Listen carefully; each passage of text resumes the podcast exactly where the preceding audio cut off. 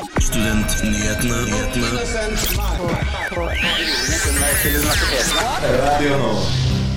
Det blir et gjenhør av en emneknoggen om felles klagenemnd.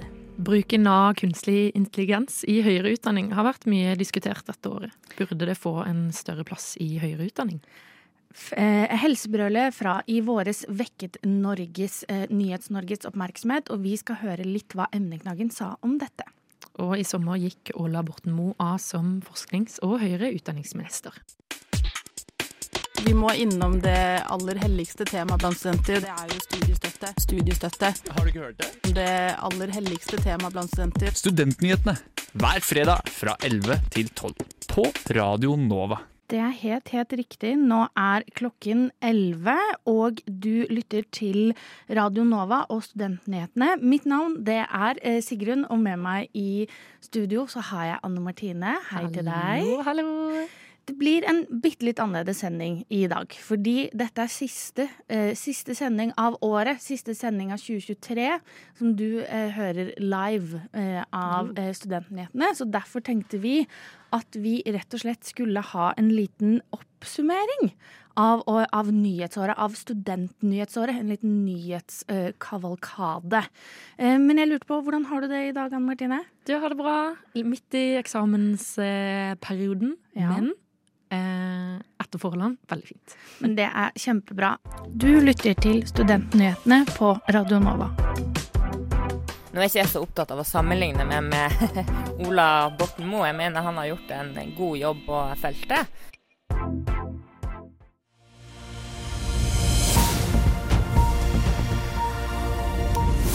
Seks av ti studenter ved høyere utdanning mener det er viktig med pensum på norsk, både i undervisning og som pensum.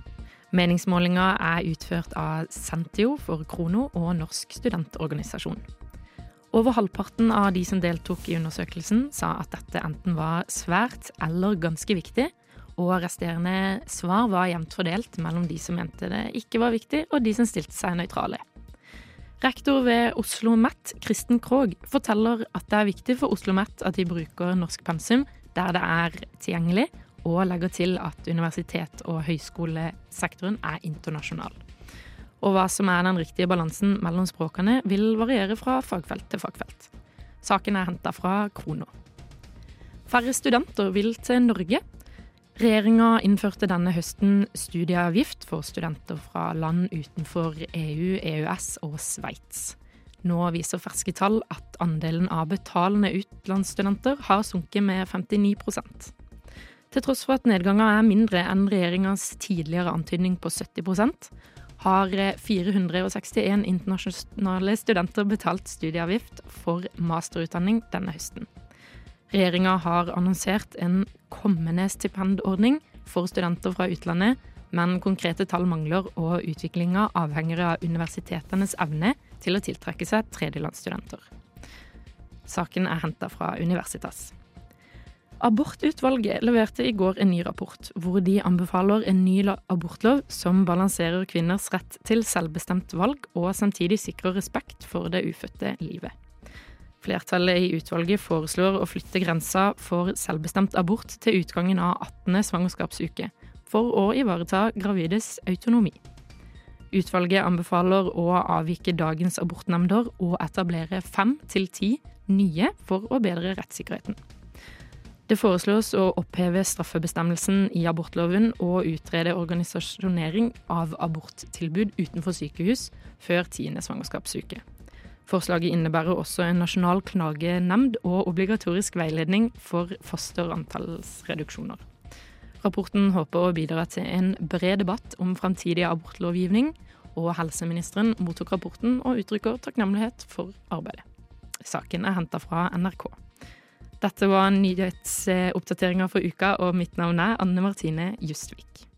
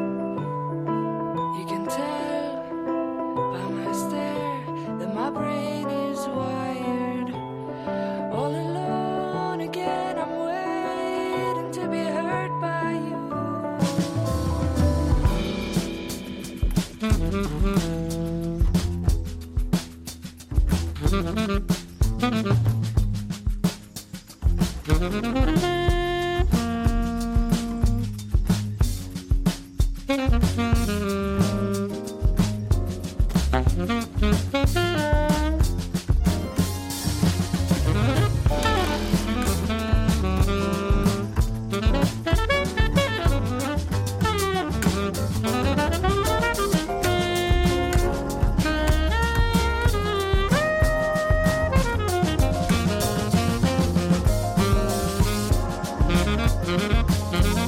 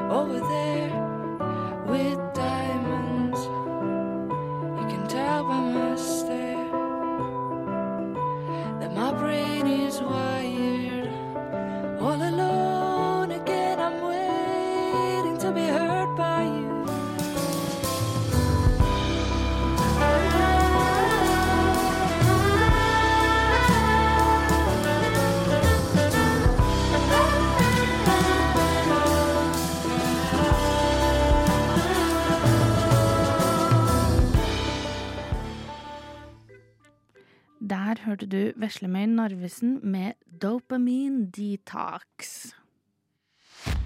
Samordna opptak. Det er om rettssikkerheten eh, til norske studenter. Akademia Strid. Oslo OsloMet Universitetet i Oslo. Jeg studerer Studentnyhetene.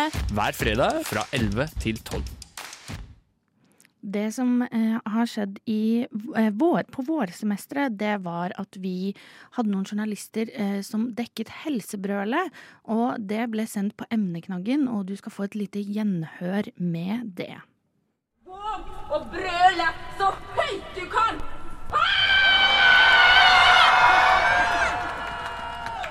Helseminister Ingvild Kjerkol sykehustale varsla dystre tider, og sykehusene må stramme inn på økonomien da prisene stiger.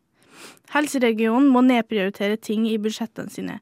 Spesielt etter pandemien har helsesektoren slitt, og NRK Brennpunkt viser det samme om eldreomsorgen.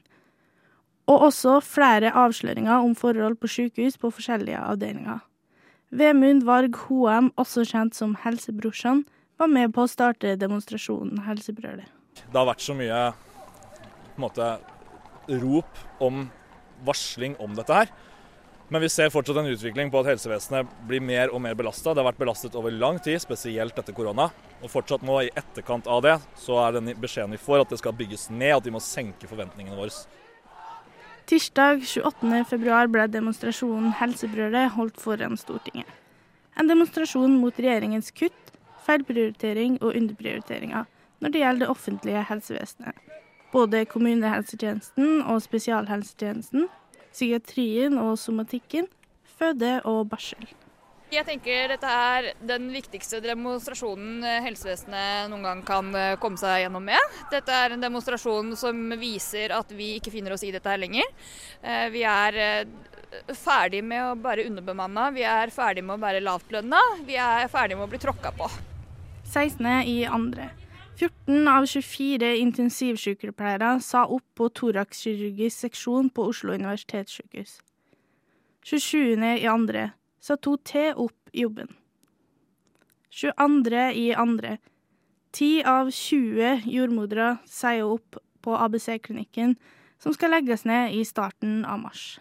I tillegg har styret i Helse Sør-Øst laga en plan for sykehusene i Oslo. Ullevål sykehus skal legges ned, og det skal bli nytt Aker sykehus og nytt Rikshospital. Tina Tuft har vært med å lage demonstrasjonen, og jobba på Aker sykehus, som flere ganger har vært i ferd med å legges ned. Eh, Jeg er heldig å jobbe på en litt skjermet avdeling foreløpig. Jeg jobber på Aker sykehus, hvor eh, vi er litt alene. Det skulle egentlig legges ned for lenge siden. Eh, Så vi har det egentlig ganske greit der med arbeidsgivere som hele tida jobber for at vi skal ha det bra. Eh, Men vi er jo redd for hvordan tikk, eh, kutt kanskje kan påvirke oss i fremtiden. Eh, Det blir jo et nytt storsykehus på Aker, sier de. Eh, Hvordan vil det påvirke oss da? Det som skjer nå med, med å legge ned Ullevål sykehus eh, og få min, at man nå bygger mindre sykehus enn det vi har hatt før, det blir helt feil vei å gå. På tidlig 2000-tallet begynte en styringsform kalt New Public Management å ta form i Norge. Modellen er basert på nyliberalisme og markedstenkning. Altså en modell som gjør offentlig virksomhet, slik som sykehus, mer lignende det private markedet. Målet er å bidra til bedre kvalitet og større effektivitet i det offentlige sektoren. I helsesektoren kommer det til uttrykk ved at man kanskje velger å operere en mindre skade, i stedet for å sende pasienten på rehabilitering fordi det er dyrere. Sigrid Bonde Tusvik håper at sykehuslederne kan få en mer helsefaglig kompetanse. Jeg ønsker at det blir mindre toppstyrt ledelse som ikke skjønner hva de som jobber på gulvet trenger. Effektiviseringen gjennom New Public Management lar ikke sykepleiere gi den omsorgen de skulle ønske de kunne gi pasientene sine. Hvorfor er du med på Helsebrølet? Fordi jeg er drittlei av at det kuttes på alle bauger og kanter, og så forventes det at vi skal løpe enda fortere og være enda mer effektive. Kutter i absolutt alt som kan kuttes i, unntatt behandlingskøene. Og det går ikke. Det går ikke. Vi er drittlei.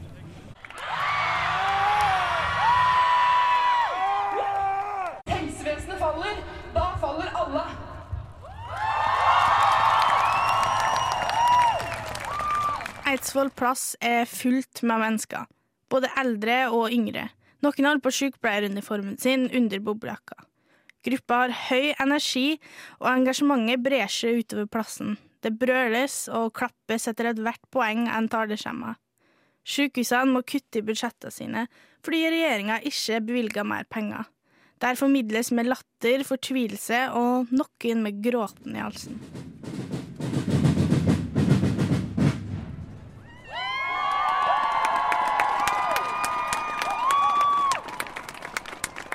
Dere må ikke tåle så inderlig vel den urett som ikke rammer dere selv!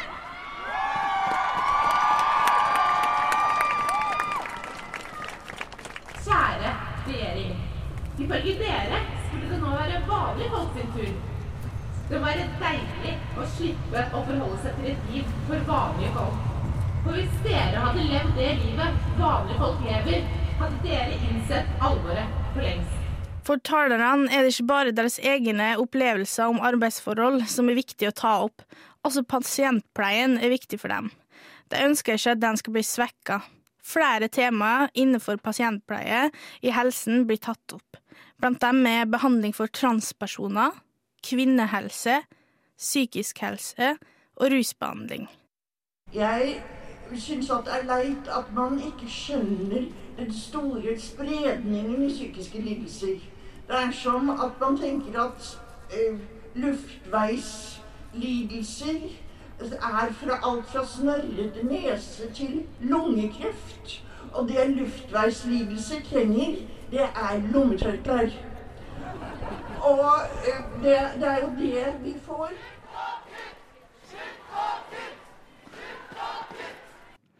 Der hørte du et lite gjenhør med eh, Helsebrølet som ble sendt på emneknaggen tidligere, eh, tidligere i år.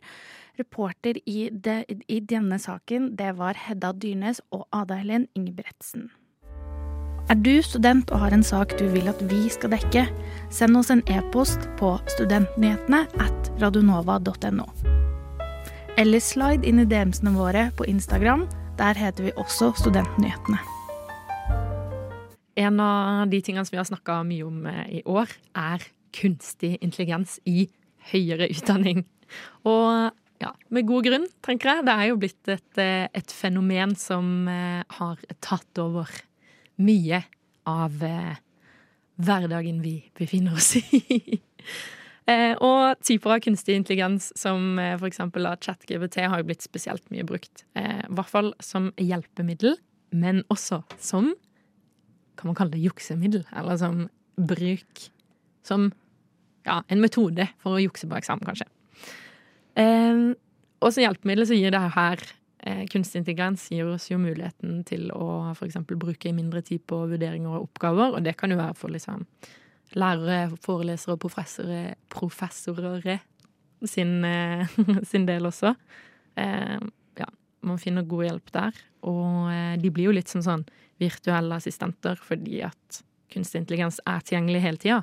Og om man velger å bruke det på ja, riktig måte, sett i hermetegn, så, så tror jeg det kan egentlig være ganske bra.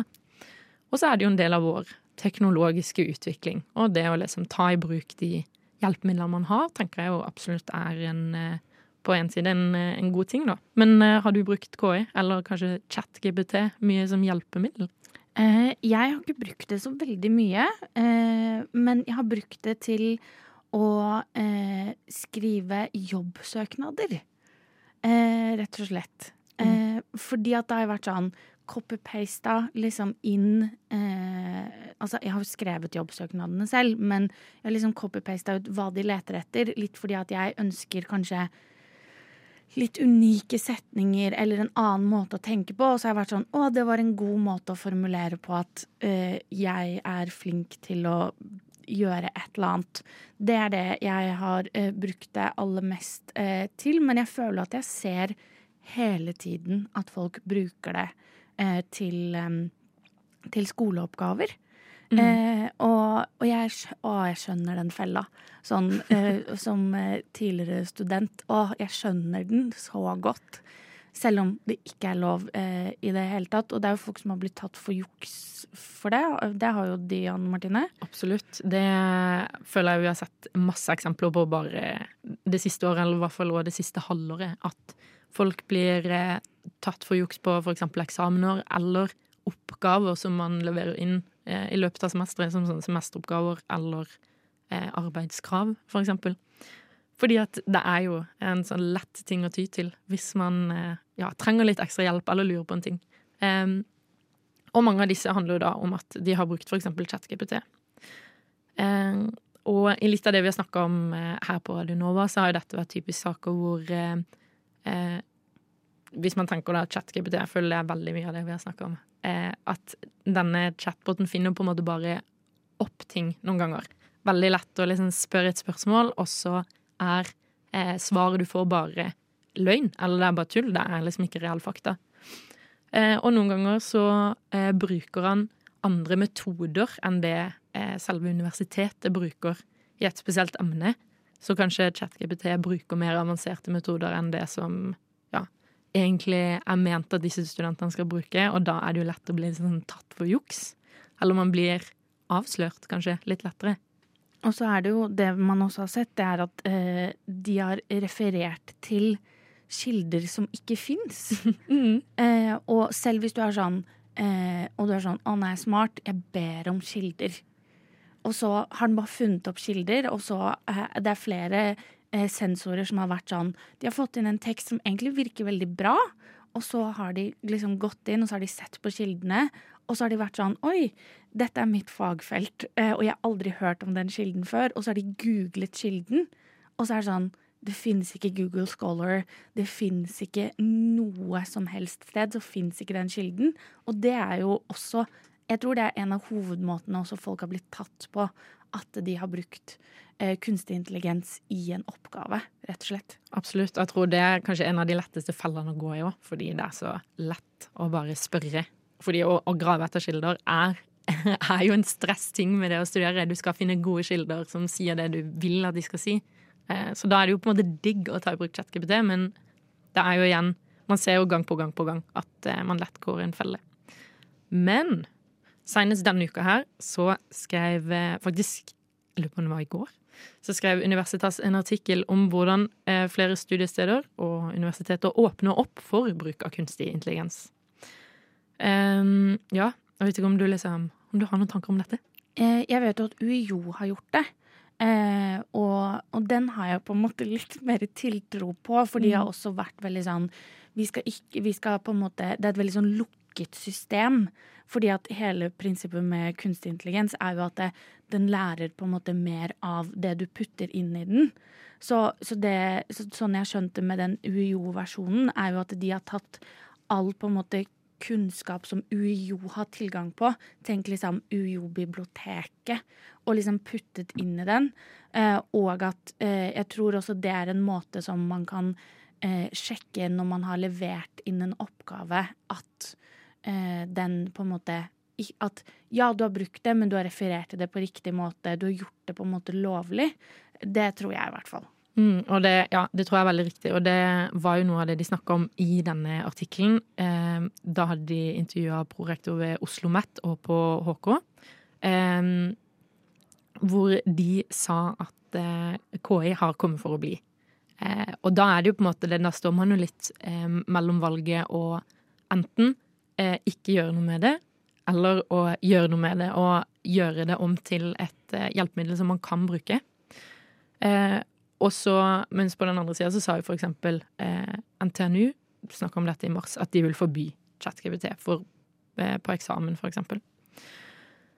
Ehm, men UiO, sånn som du sa, eh, forteller jo at de vil integrere KI i eksamensprosesser, som er litt spennende. Eh, og Oslo OsloMet har allerede eh, tatt i bruk KI i noen eh, eksamensformer, spesielt sånn teknologifag, eh, ja, der studentene kan bruke KI-verktøy. Um, og Oslo OsloMet argumenterer for at KI-bruk i seg selv ikke nødvendigvis er fusk, og det er litt spennende. Og de påpeker hvordan det er viktig for eh, teknologien og, at, eh, og studentenes egne kunnskaper og ferdigheter, eh, og at de blir testa på en faglig betryggende måte.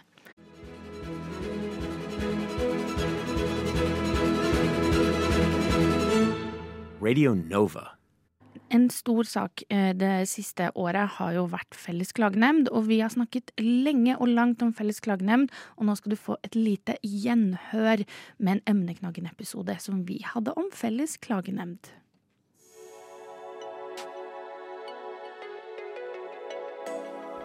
Å jukse på eksamen er ikke lov. Men hva er egentlig juks? Å oppgi skille feil eller utydelig er en av tingene som regnes som fusk. Andre ting kan være å ha med hjelpemidler som ikke er tillatt, f.eks. notater eller lærebøker. La være å skrive kildene. Få noen andre til å skrive oppgaven for deg. Eller å plagiere noen. Men visste du at det å sitere seg selv uten å referere til seg selv, regnes også som plagiat? Høsten 2021 avla en student ved Høgskolen i Innlandet en konteeksamen. På denne eksamenen siterte hun sin egen eksamen som hun hadde strøket på året før. På plagiatkontrollen ga dette utslag, altså ble studenten tatt i fusk. Straffen for dette var utestengelse i to semestre. Hun vant ikke fram med klagen sin hos klagenemnda på høyskolen, og heller ikke hos Felles klagenemnd. Da saksøkte hun Kunnskapsdepartementet. Den rettssaken tapte studenten 20. april i år. Dersom studenten velger å anke saken og taper i neste rettsinstans, vil hun måtte betale sakskostnadene. Dette kan komme opp på en pris på flere hundre tusen kroner. Studentnyhetene kan ikke finne noe informasjon om at studenten har anket saken. Å plagiere kommer fra det franske ordet plagier og latinske ordet plagiare. Det betyr å røve mennesker. I dag bruker vi det dersom noen etterligner en annen persons åndsverk uten at det oppgis. Å gjenbruke sin egen tekst, eller såkalt selvplagiere, er å stjele fra seg selv. Ordet finnes ikke i Norsk akademisk ordbok. I et nytt lovforslag foreslår regjeringen at det skal være lov å bruke sin egen tekst dersom man ikke får uttelling for den på studiet. Men dersom man får uttelling for en tekst, må man referere til den riktig som andre typer skylder. Det diskuteres også om selvplagiat skal gis mildere straff enn plagiat.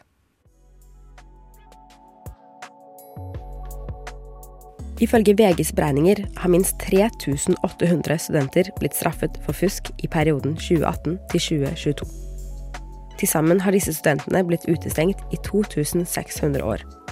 Det kan ha kostet samfunnet 1,1 milliarder kroner. Flere juseksperter mener dette er et rettssikkerhetsproblem for studentene, for det er nemlig færre enn én av 14 som vinner fram med en klage til Felles klagenemnd. Det er nemlig de man klager til dersom man mener man har blitt urettferdig tatt i juks. Felles klagenemnd består av syv medlemmer. Én leder, én nestleder, tre vanlige medlemmer og to studentrepresentanter. Alle medlemmene blir valgt inn for fire år om gangen, bortsett fra de to studentene som blir oppnevnt for to år om gangen. Ingen av medlemmene har lov til å sitte mer enn to perioder. Den regelen lagde man for at det skal være variasjon i nemnda, og at ikke samme blikk skal se over for mange saker. I 2015 ble Marianne Clausen oppnevnt som nestleder. Hun går ikke inn i nemnda med en gang, men først ett år etter at perioden startet. Altså sitter hun tre år som nestleder. I 2018 ble hun oppnevnt til leder i nemnda. I 2022 ble hun oppnevnt til en tredje periode, også som leder. Hun og klagenemnda har tidligere blitt kritisert for å være strenge i vurderingene av fuskesaker, noe Klausen har forsvart med at de følger regelverket gitt av Kunnskapsdepartementet. I en e-post til Studentnyhetene sier Kunnskapsdepartementet at denne feilen med den tredje oppnevningen ble gjort fordi departementet tolket loven som at en person ikke kan oppnevnes mer enn to ganger i samme stilling. Altså mente de at den tredje oppnevningen var gyldig fordi det skulle bli Marianne Clausens andre periode som leder. Nå har forsknings- og høyere utdanningsminister Sandra Borch konkludert med at oppnevningen var ugyldig, og Marianne Clausen har gått av.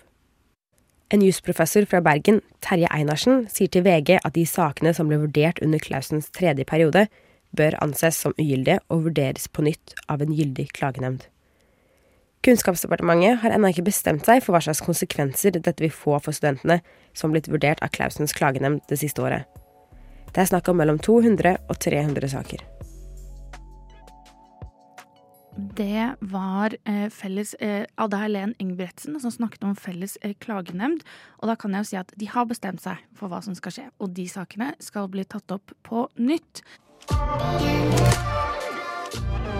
Har dere Senterpartiet glemt studentene når dere skrev deres valgprogram for Oslo?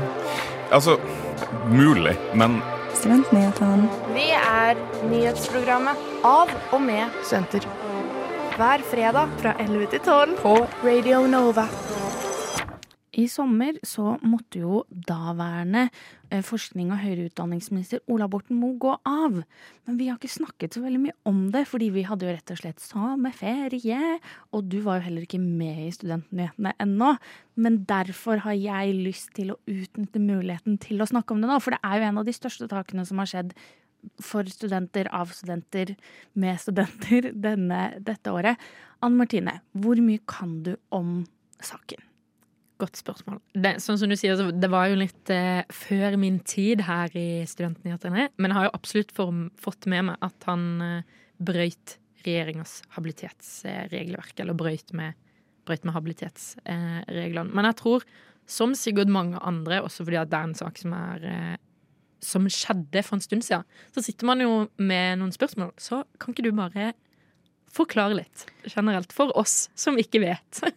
Du har jo da helt rett. For nesten et år siden så eh, deltok Ola Borten Moe på et regjeringsmøte om en milliardkontrakt eh, til ammunisjonsprodusenten Nammo. Og uken før dette så hadde Ola Borten Moe kjøpt aksjer for over 400 000 kroner i våpen- og teknologikonsernet Kongsberg Gruppen. Eh, Og Kongsberg Gruppen de har jo veldig mange hørt om. Eh, så, så på en måte de vet vi jo De aller fleste vet hvem de er. Men det som er, det er at Kongsberg Gruppen eier indirekte 25% av Nammo gjennom en finsk våpenleverandør.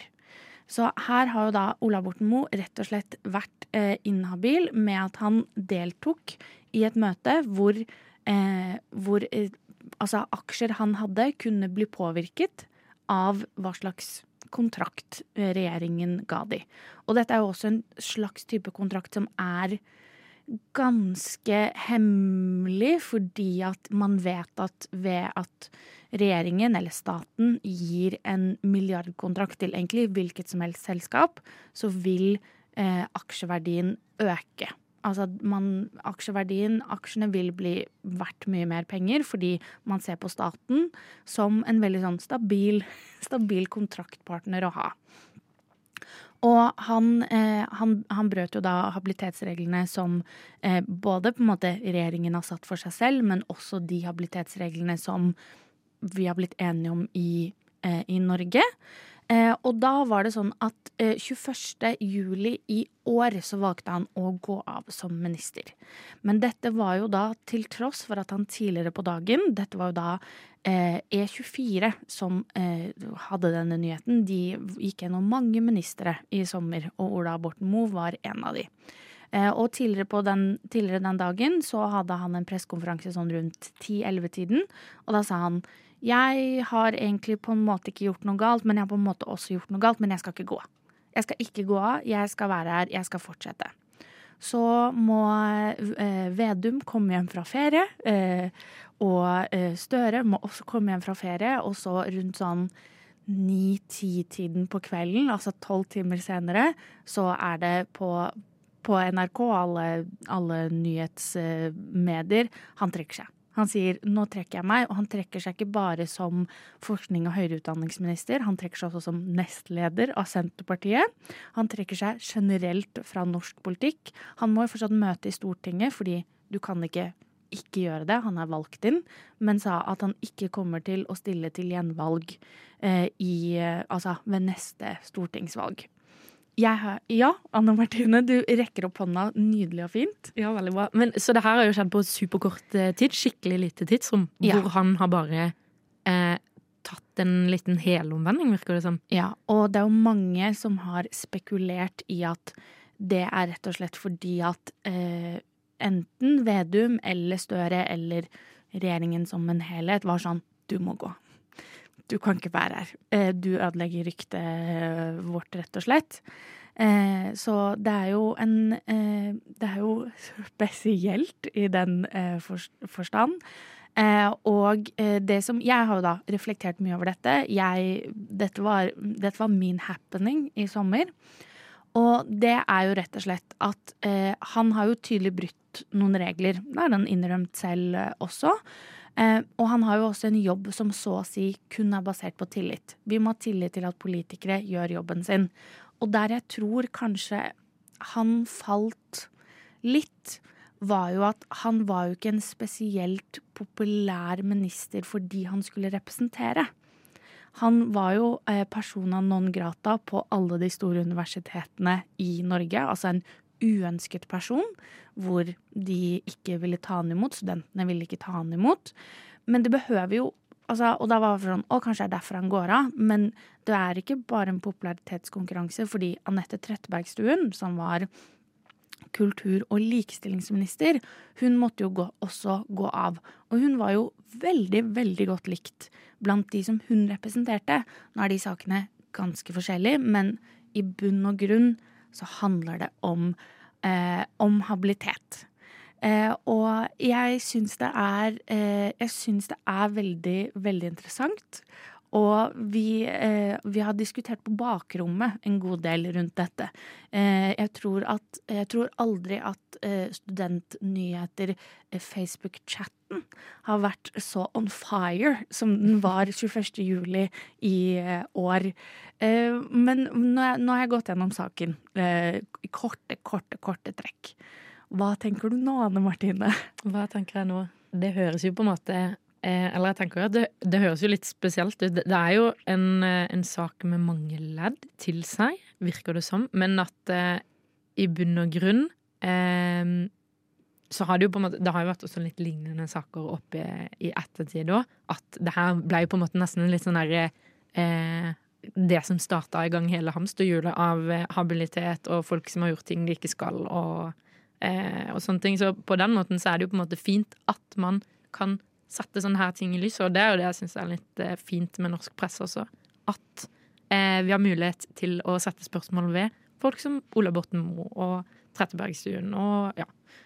Vinnere og vinnere. Og Solberg. Og Solberg og mange- hele gjengen. Mange, mange andre. Eh, vi kan jo også avslutte med at eh, per nå så eh, er eh, Ola Borten Moe under etterforskning av Økokrim, men det er ikke kommet noe videre, videre i det. Vi må innom det aller helligste temaet blant studenter. Det er jo studiestøtte. Studiestøtte. Har du ikke hørt det? Det aller helligste temaet blant studenter. Studentnyhetene hver fredag fra 11 til 12 på Radio Nova. På Radio Nova. Det er helt riktig. Vi er straks ferdig, ikke bare denne sendingen, men for semesteret. Som, er, eh, som er rart. Anne Martine viser gråtetegn på tegnspråk. Eh, men eh, Anne Martine, Ja. hva skal du i jula? Oi, i jula? Jeg skal, eh, jeg skal hjem til eh, Kristiansand, eller til Høvåg, som er min eh, hjemby. Som jeg gleder meg veldig mye til. Og det, mye, det blir mye familie, det blir mye god mat. Se venner fra eh, hjemme igjen. Det blir koselig. Vi skal ha litt julebord og møtes og kose oss. Og, eh, tror jeg blir bra. Håper det blir noen turer på ski. Eh, langrenn. Veldig glad i langrenn. Er det, ski, er det skiføre på Sørlandet? Nei, men vi har en hytte på Hovden. Som er, eh, hva skal vi si, eh, episenter for eh, folk i, folk i Kristiansand. Det er der alle har hytte. Ja, ok, så det er litt som Hemsedal for eh, folk på Østlandet. Det er akkurat det det er. Det er Eller Voss slash Geilo for de fra Vestlandet. Ja, det er Hovden for oss, da. Det er, liksom, det er der alle flytter opp i jula. Og så flytter vi ned igjen til Kristiansand når jula er over. Um, ja, men det blir bra. Men først bli ferdig med eksamen, og så dra hjem. Ja, for du har eksamen 20. Ja, godt huska. Jeg husker, husker ting, jeg. Eh, jeg skal ha en ganske rolig jul. Jeg skal ikke gjøre så veldig mye. Jeg skal egentlig bare være med mamma, være med familie, venner. Eh, nå kommer alle liksom hit. Så det blir eh, veldig koselig. Du har jo da hørt på Studentnyhetene og vår siste sending hvor vi oppsummerer eh, noen av de sakene som har eh, skjedd, eh, skjedd det siste året. Jeg anbefaler deg absolutt å høre på dette på podkast, som kommer eh, senere i dag. Vi er tilbake ca. andre uka i januar, vil jeg si. Det er da vi er. Du kan absolutt følge oss på sosiale medier, for jeg tror ikke vi kommer til å være helt stille der i, eh, i juleferien. Så syns jeg du skal fortsette å høre på, eh, på videre på Radio Nova, fordi etter oss så kommer radiotjenesten. Og da vil eh, jeg eh, og alle fra Studentnyhetene og hele Radio Nova, jeg tar med hele Radio Nova, ja, ønske våre lyttere en riktig god jul og en god høytid. God jul og god høytid.